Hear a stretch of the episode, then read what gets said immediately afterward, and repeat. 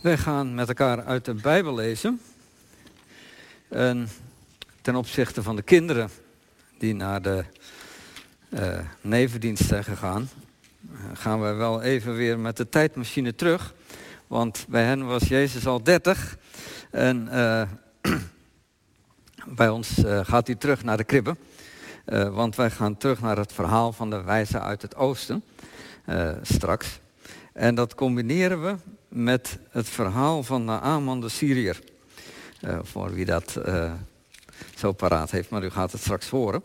Dus eerst het verhaal uit 2 Koningen 5 en dan uit Matthäus 2. En dat samen, dat leidt ons tot ons thema van vandaag, Jezus op het spoor komen. Daar gaat de preek straks over. Dus we beginnen met 2 Koningen 5. Naaman, de bevelhebber van het Aramese leger, stond bij zijn koning in hoog aanzien en werd zeer door hem gewaardeerd. Want de Heer had hem voor Aram een grote overwinning laten behalen. Maar deze grote krijgsman leed aan een huidziekte die onrein maakt. Nu hadden de Arameërs op een van hun strooptochten uit Israël een jong meisje meegevoerd, dat als slavin diende bij de vrouw van Naaman. Ze zei tegen haar meesteres, ach, kon mijn meester maar eens naar de profeet in Samaria gaan. Die zou hem wel genezen. Naaman ging naar zijn heer en vertelde hem wat het meisje uit Israël had gezegd. Daarop zei de koning van Aram, ga erheen. Ik zal u een brief meegeven voor de koning van Israël. Naaman ging op weg met tien talent zilver bij zich, zesduizend shekel goud en tien stel kleren. In de brief die hij aan de koning van Israël overhandigde stond het volgende. Met deze brief stuur ik mijn dienaar Naaman naar u toe om door u van zijn huidziekte te worden genezen. Zodra de koning van Israël de brief gelezen had, scheurde hij zijn kleren en riep uit: Ben ik soms God? Dat ik kan beschikken over leven of dood.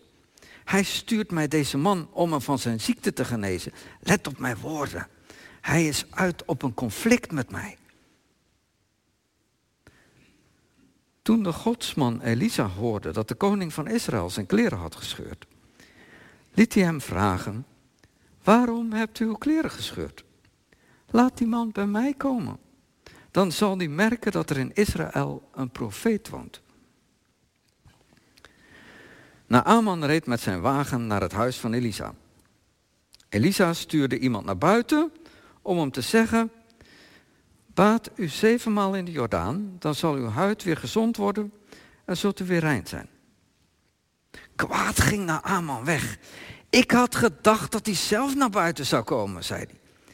En dat hij de naam van de Heer zijn God zou aanroepen en met zijn hand over de aangetaste plek zou strijken en zo de ziekte zou wegnemen zijn de rivieren van Damascus, de Abana en de Parpar soms niet beter dan alle wateren in Israël?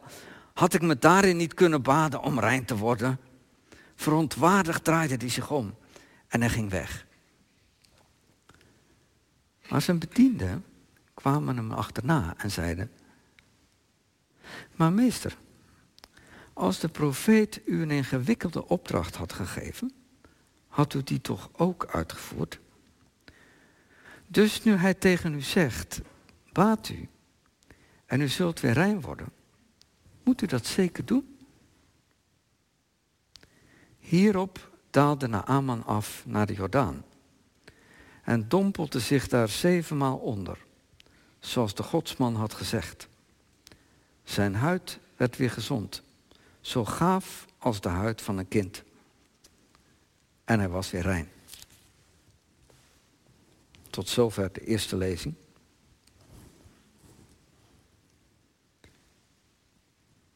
En dan lezen we nu uit Matthäus 2. Toen Jezus geboren was in Bethlehem in Judea, tijdens de regering van koning Herodes, kwamen er magiërs uit het oosten in Jeruzalem aan. Ze vroegen, Waar is de koning van de Joden die onlangs geboren is? Wij hebben namelijk zijn ster zien opgaan en we zijn gekomen om hem te aanbidden. Koning Herodes schrok hevig toen hij dit hoorde en heel Jeruzalem met hem. Hij riep alle hoge priesters en schriftgeleerden van het volk samen om aan hen te vragen waar de Messias geboren zou worden. In Bethlehem, in Judea, zeiden ze tegen hem. Want zo staat het geschreven bij de profeet. En jij, Bethlehem, in Judea, bent zeker niet de minste onder de leiders van Juda. Want uit jou komt een leider voort die mijn volk Israël zal hoeden. Daarop riep Herodes in het geheim de magiërs bij zich. Hij wilde precies van ze weten wanneer de ster zichtbaar geworden was. En stuurde hem vervolgens naar Bethlehem met de woorden: Stel een nauwkeurig onderzoek in naar het kind. Stuur me bericht zodra u het gevonden hebt, zodat ook ik erheen kan gaan om het te aanbidden. Nadat ze de koning hadden aangehoord, gingen ze op weg. En nu ging de ster die ze hadden zien opgaan voor hen uit, totdat hij stil bleef staan boven de plaats waar het kind was. Toen ze de ster zagen, werden ze vervuld van diepe vreugde. Ze gingen het huis binnen en vonden het kind met Maria zijn moeder. Ze wierpen zich aan aanbidding voor het kind neer. Daarna openden ze hun kistjes met kostbaarheden en boden het geschenken aan. Goud en wierook en mirre. En omdat ze in een droom de aanwijzing hadden gekregen dat ze niet naar Herodes terug moesten gaan, reisden ze via een andere route terug naar hun land. Tot zover de lezing uit de Bijbel.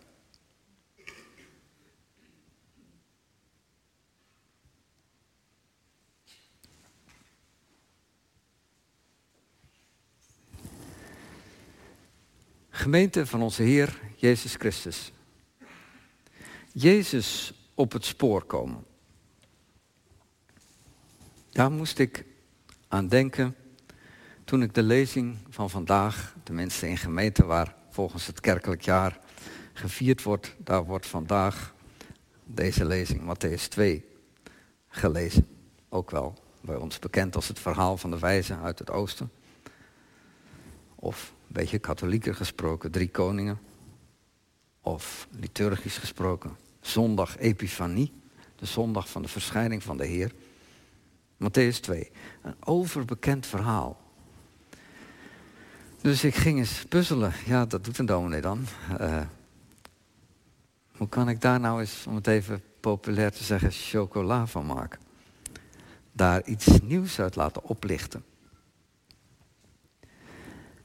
En een van de tactieken die ik toepaste was, als ik me nou eens verplaats in die wijze, wat zie ik dan? Want ja, die wijzen die waren natuurlijk helemaal niet op zoek naar Jezus, want ze hadden nog helemaal niks van Jezus gehoord. Dus voor hen was alles nog nieuw.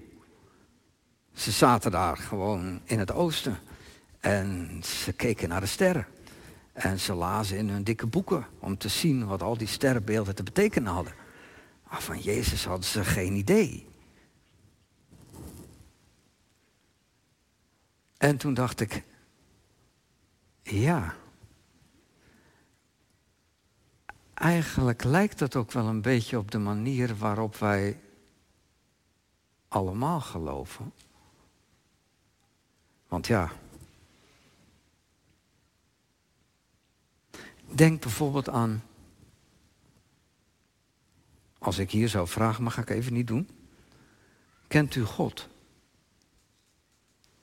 Kent u Jezus? Houdt u van Jezus? Hou jij van Jezus? Nou, ik, ik veronderstel zomaar dat er een aantal zouden zeggen, ja, dat is zo. Maar als je je dan afvraagt, wat is dat dan precies? God kennen. Jezus kennen. Ik kan me een ervaring herinneren van heel veel jaren geleden dat iemand tegen me zei: jij kent God, hè? Jij, jij, jij beweert dat je God kent. Maar leg me dan eens uit, hoe doe ik dat dan? Wat, wat, wat is dat? Wat voel je dan? Wat, wat ervaar je dan? Ik, ik ervaar niks van God. Helemaal niks. Ik ken God niet. Ik ga elke week naar de kerk. Meer dan één keer per, week, eh, per, per zondag. En ik voel helemaal niks. Kun je mij uitleggen, wat, wat moet ik doen?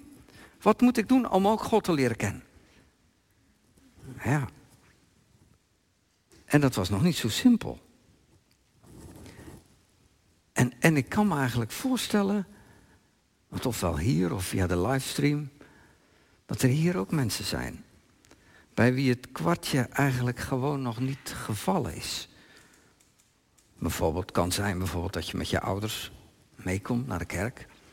En uh, nou dat je wel ziet dat het voor je ouders belangrijk is om, om, om naar de kerk te gaan. Dat ze echt iets met God hebben. En met Jezus hebben. Maar bij jou is het kwartje gewoon nog nooit gevallen. Je zou niet weten wat dat is. Is God er überhaupt? Dus wat zou het zijn om Jezus te kennen? En ik dacht, hoe, hoe, hoe doe je dat dan? God leren kennen. En, en toen ging ik nog weer eens naar die verhalen kijken en ik dacht, hé, hey, er zit eigenlijk een heel mooi spoor in dat verhaal van die wijzen uit het oosten. Want ze, ze zitten eerst ver weg en gaandeweg leren ze Jezus kennen. En hoe werkt dat dan? En al puzzelend op dat verhaal van die wijzen uit het oosten, zag ik ineens een heleboel overeenkomsten met het verhaal van Naaman. Dat is eigenlijk ook iemand, die komt weliswaar niet uit het oosten, maar uit het noorden. Uh, die komt naar Israël toe en die leert gaandeweg, stapje voor stapje, leert hij God kennen. En, en ik zag een heleboel overeenkomsten. Er, komen, er kwamen uiteindelijk een stuk of vijf, zes lessen uit. Dat doe ik niet altijd hoor, ik kan er geruststellen. Uh, maar een stuk of zes lessen wat we volgens mij kunnen leren over Jezus en God op het spoor komen vanuit die verhalen. Nou, we beginnen maar gewoon met les 1. Jezus kom je op het spoor waar jij nu bent. Kijk maar naar die verhalen. Er komt geen, eh, er komt geen, hè, eh, geen evangelist of zo naar, naar het oosten. En, en die zegt van, uh, hallo, hier ben ik. Ik kom jullie over Jezus vertellen. Hij is geboren. En, en nee, of geen microfoon voor zijn neus. Zo van, geef je hart aan de Heer. Helemaal niet. Ze zijn gewoon daar ver in het oosten. En ze zien een ster. En dat is bij Naaman ook zo. Naaman is helemaal niet op zoek naar de God van Israël. Integendeel. Helemaal niet op zoek. Hij wil genezen worden. Dus misschien is dat wel iets wat heel erg lijkt op hoe mensen God vinden. En ik denk het eigenlijk wel. Je leert God helemaal niet per se zo, zo kennen als je daar recht als een doel op afgaat. Maar het begint ergens gewoon waar jij bent. En ik, en ik dacht, dat zou zomaar kunnen bijvoorbeeld dat er iemand vanochtend meegekomen is met een vriend of vriendin. Je bent verliefd geworden, je bent zelf helemaal niet gelovig, maar je vriend of vriendin is gelovig. En ja, je wil graag hem of haar graag een plezier doen. Dus je komt mee. Je bent verliefd geworden. Je laat zo'n lief jongen, lief meisje natuurlijk niet schieten voor dat geloof. Dus je gaat mee. Maar ja, die God, ja, wat zou dat zijn? En wat zou het zijn om God te kennen of Jezus te kennen? Geen idee eigenlijk. Maar ik denk eigenlijk dat dan het mooie van dit gedeelte is, van die twee verhalen, relax. Dat is eigenlijk helemaal geen probleem. Zo gaat dat meestal. Dus God sluit aan op een of andere manier bij jouw verlangens, bij jouw zorgen die je hebt, bij de kansen die je ziet, de problemen die je hebt. Zo gaat dat als we God leren kennen. Dan zitten we gewoon op onze eigen plek. En misschien is er iemand anders die zegt, ja, Dat is nou wel spot on vanochtend. Ik zit hier elke week. Of ik kijk al een hele tijd mee met die livestream. Maar om eerlijk te zijn, het kwartje valt bij mij echt. Ik zou het eigenlijk wel heel graag willen. Ik zou graag God leren kennen. Maar het werkt bij mij gewoon niet. Ik voel niks.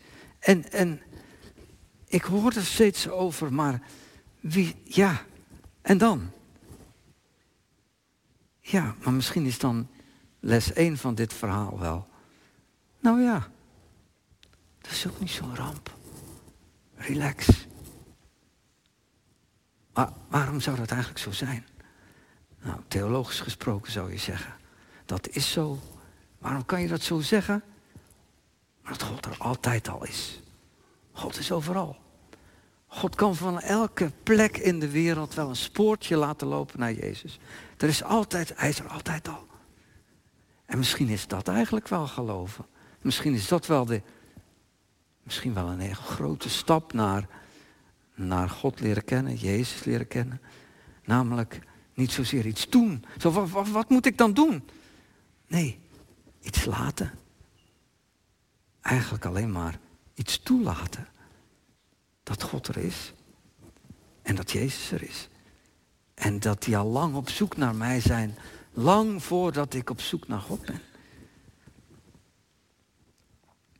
Maar goed, we zijn nog lang niet, daar zijn we nog lang niet in het verhaal. Hè, dus we moeten weer even terug naar les 2. En les 2 zijn sterren. Ja, ja, er is maar één ster in het verhaal van de wijze uit het oosten natuurlijk. Dat is maar goed ook, anders zou het in de war raken.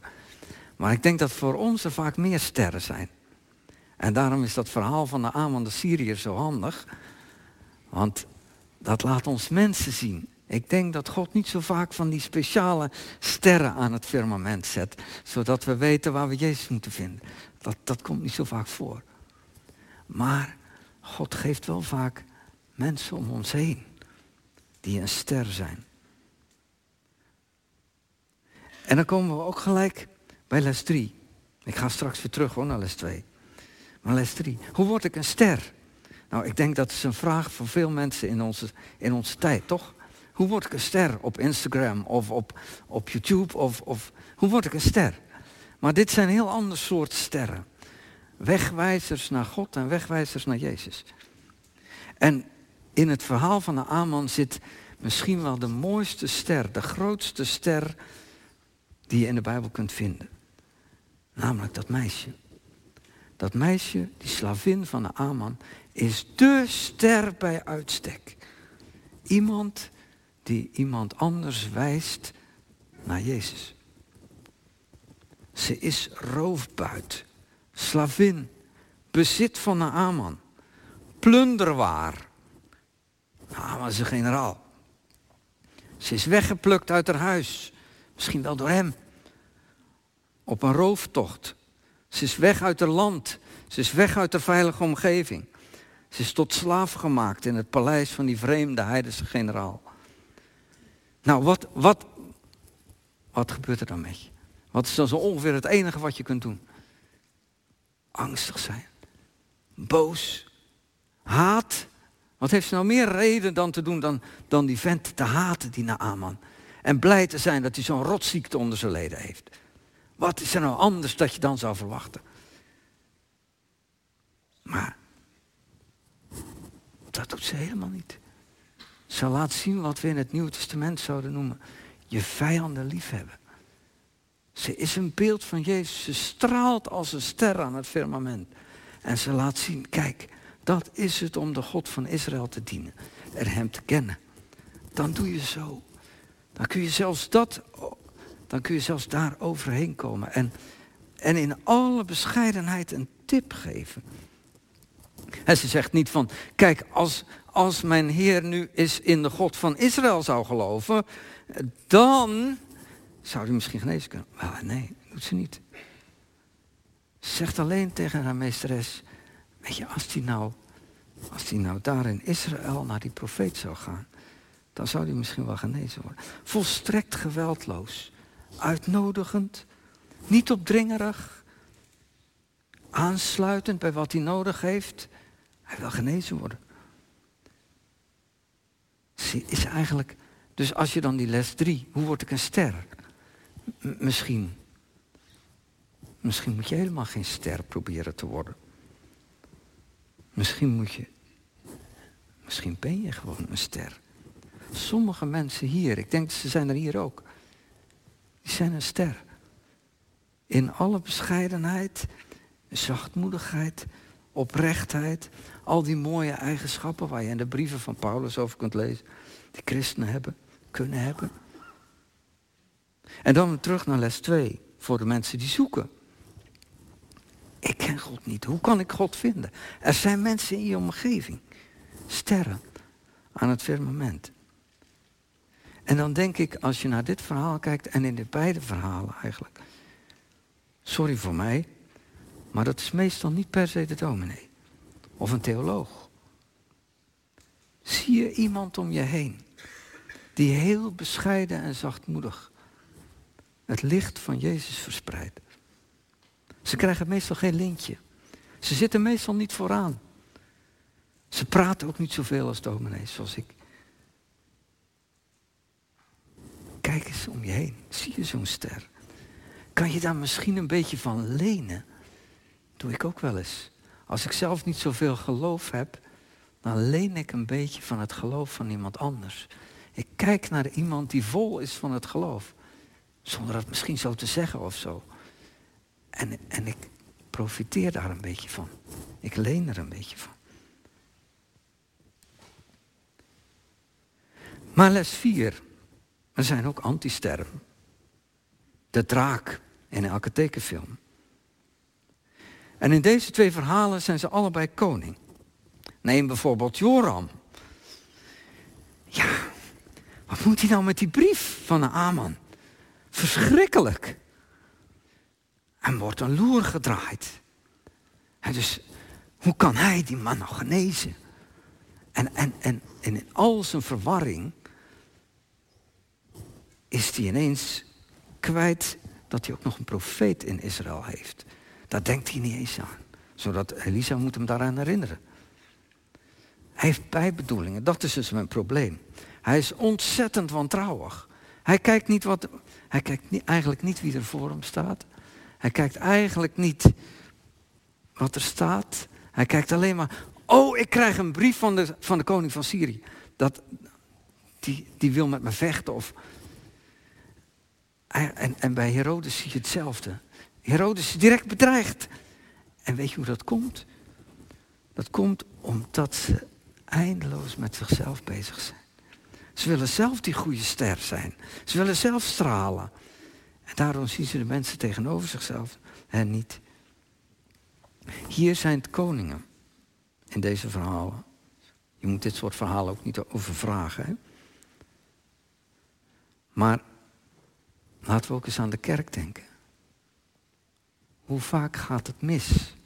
als je die mensen hier, de wijzen, die gaan naar de plek waar ze verwachten dat ze die koning gaan vinden. Naaman gaat naar de plek waar hij verwacht contact te kunnen maken. Op weg naar zijn genezing. En zo zijn er ook veel zoekers die naar mensen gaan waarvan ze denken, die weet het, die kan mij helpen om God te leren kennen en Jezus te leren kennen. En dan blijkt in de praktijk dat het helemaal niet werkt. En dan, doen, dan is het vaak de mensen, zijn het vaak de eerst aangewezen die falen. Daarom let op de sterren. De sterren zijn niet altijd de sterren die je verwacht. Het zijn juist vaak de mensen van wie je die sterrenrol niet zou verwachten. Die kunnen gidsen naar God en naar Jezus.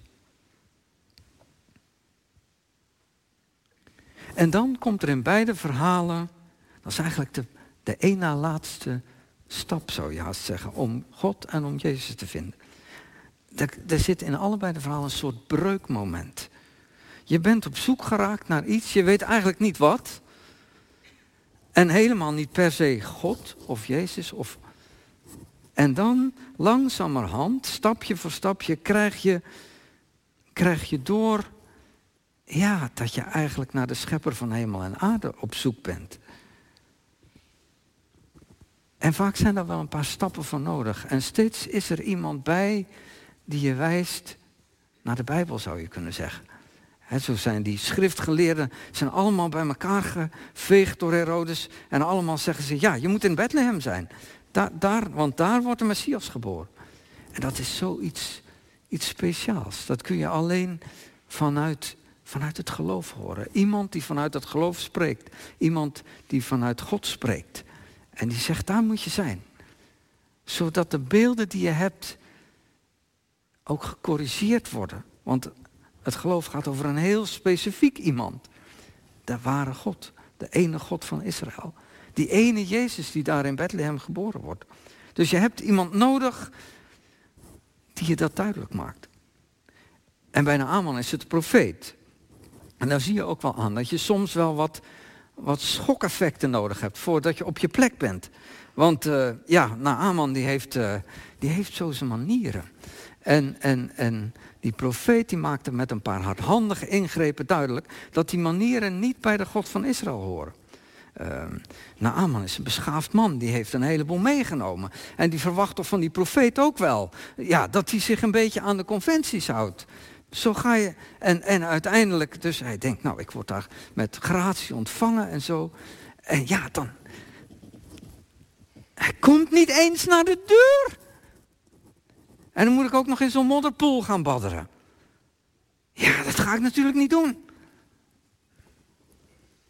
Dus die harde confrontatie, en dat zie je eigenlijk ook in het verhaal van de wijze. Ze denken naar Jeruzalem te gaan, maar ze moeten naar Bethlehem. Ze denken naar een paleis te gaan en ze moeten naar een krib. Dus in het geloof zit ook iets van die omkering. God leren kennen is je realiseren dat je dus niks meer bent dan een ander.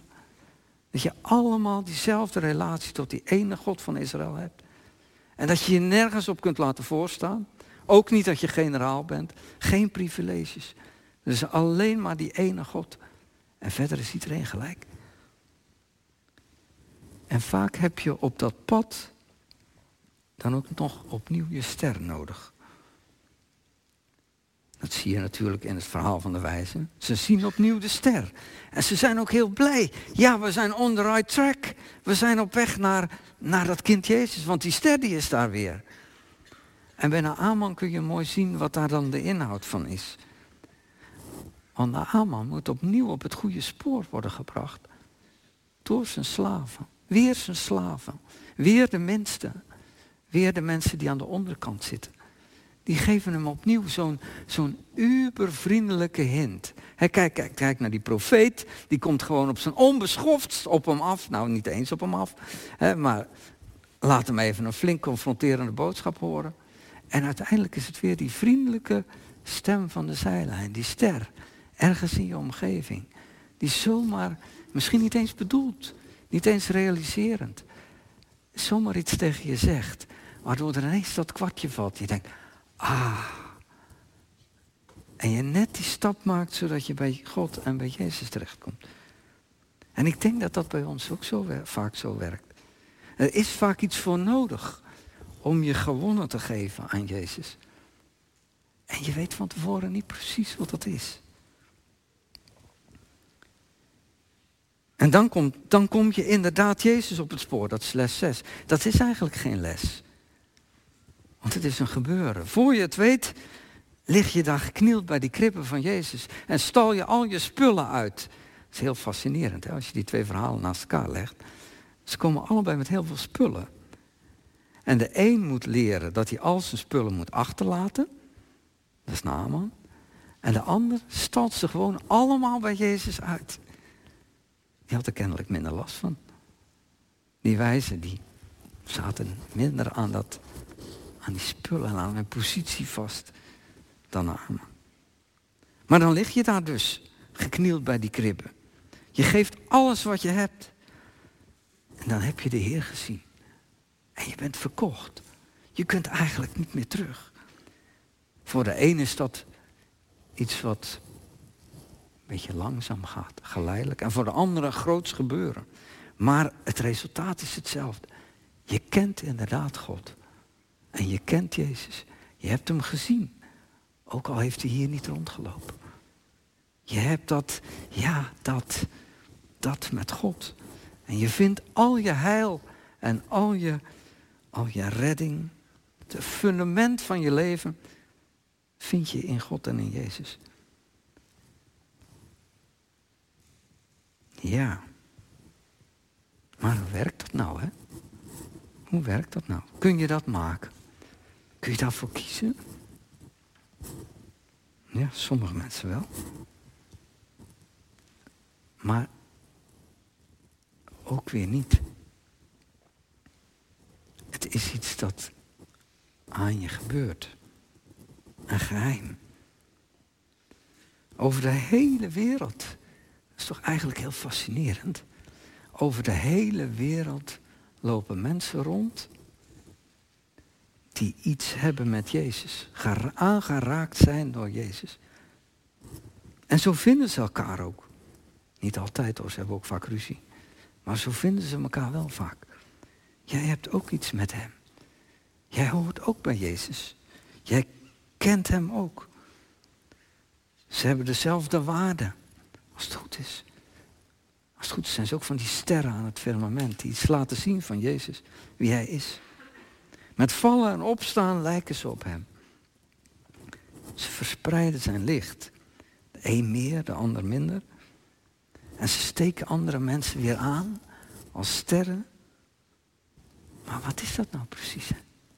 Of is dat Jezus zelf? Is dat Jezus zelf die onder ons aanwezig is? Ik denk het wel. En misschien is dat wel al die mensen die zo, zonder Jezus ooit gezien te hebben, die zo met Jezus verbonden zijn. Misschien is dat wel het beste godsbewijs dat er is. In de naam van de Vader en van de Zoon en van de Heilige Geest. Amen.